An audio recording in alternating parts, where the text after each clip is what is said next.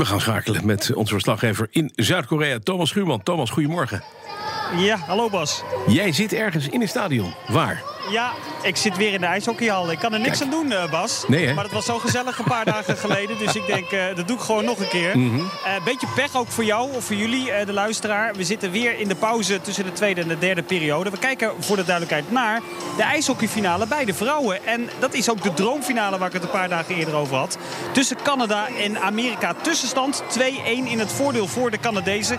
Die de laatste drie Olympische titels al wisten te pakken. Elke keer greep Amerika daarin Wel de ploeg die de laatste jaren steeds wereldkampioen eh, wordt. Kortom, ja, dit is echt in alles de droomfinale. Ook een hele open wedstrijd. Amerika 1-0 voor.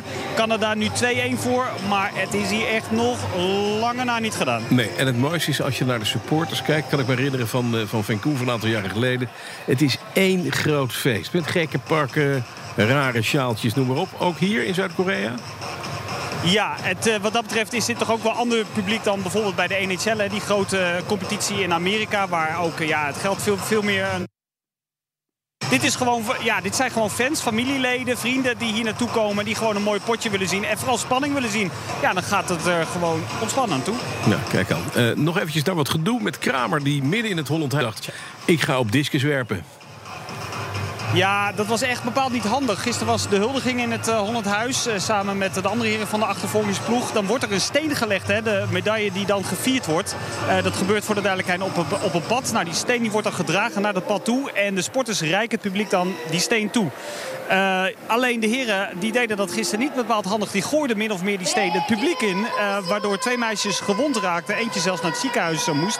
En Kramer heeft daarvoor nu vandaag op Twitter zijn excuses aangeboden. Biedt mij verontschuldiging aan, zegt hij aan de fans die gisteren in het Holland Heinekenhuis gewond zijn geraakt. Excuses voor het ontstane ongemak. Nou, dat is natuurlijk netjes, maar er gebeurde gisteren toch veel meer. Er is onvrede eh, over de herrie bijvoorbeeld tijdens de huldigingen. Ja, we kijken toch naar sporters die gehuldigd eh, worden. En vooral ook over waar staat dat Hollandhuis nu eindelijk voor. Hè? Voor de oorsprong natuurlijk een plek voor fans, familieleden, sporters, eh, vrienden. En vooral ook ja, journalisten die toch ook massaal daar staan.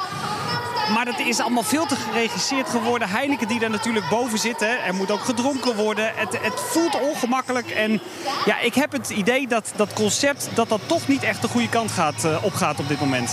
En sowieso een moeilijke combinatie natuurlijk, sport en bier. Ja, nou ja, in Rio hebben we het gezien met, met Jury van Gelder. Ehm, je merkt dan alles dat de ontspannen sfeer van laten we het gezellig hebben. Waar iedereen ook el- elke keer dan op aandringt van Ja. oh, we gaan gezellig een biertje eh, drinken. Dat is, het is te geforceerd, het is te opgezet, het is te geregisseerd. Die ontspanning zoals we die in 1992 in Barcelona zagen. Ja, dat wil je. Maar dat is echt van de heel lang geleden. dat is al lang niet meer. Het is nu la la la la, we gooien de gedenkplaat even in het publiek. Maar dat weet je niet, hè? Voor drank in het spel was Nou, maar Kramer. goed, hij heeft daar, wel, hij heeft daar nu wel zijn excuses Ja, voor aangeboden. En dat dat is natuurlijk wel netjes, hè? Nou, vandaag nog even terug naar de sport. Vandaag de laatste dag van het shorttrack toernooi... waarin Nederland tot nu toe drie medailles won. Hebben we kans op nog meer? Ja.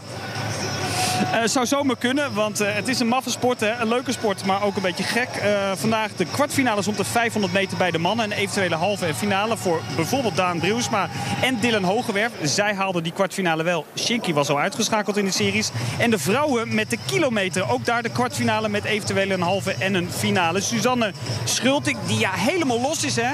Zou zij nog voor een verrassing kunnen zorgen? Of Jara van Kerkhoff, die individueel al zilver pakt op de 500 meter. Een dagje om, op, eh, om je op te verheugen. Absoluut. En nu nog in het ijsstadion. Het ijshockeystadion. eh, Eh, dit om... nummer ken je trouwens, hè? Wat zeg je? Ja, dat ken ik. Ja, dit Nummer, is ja, Gangnam je Style. Ja, daar gaan we weer Ja. hoor. Elke keer is het weer Nou, raak hier. het is beter, Thomas, dan die mevrouw die laatst het behang van het, eh, van het eh, stadion Ja, af eh, wist te leuk, krijgen. Die was niet leuk. Nee, dankjewel, Thomas Ruurman. In Gangnam Style zit hij helemaal in Pyeongchang.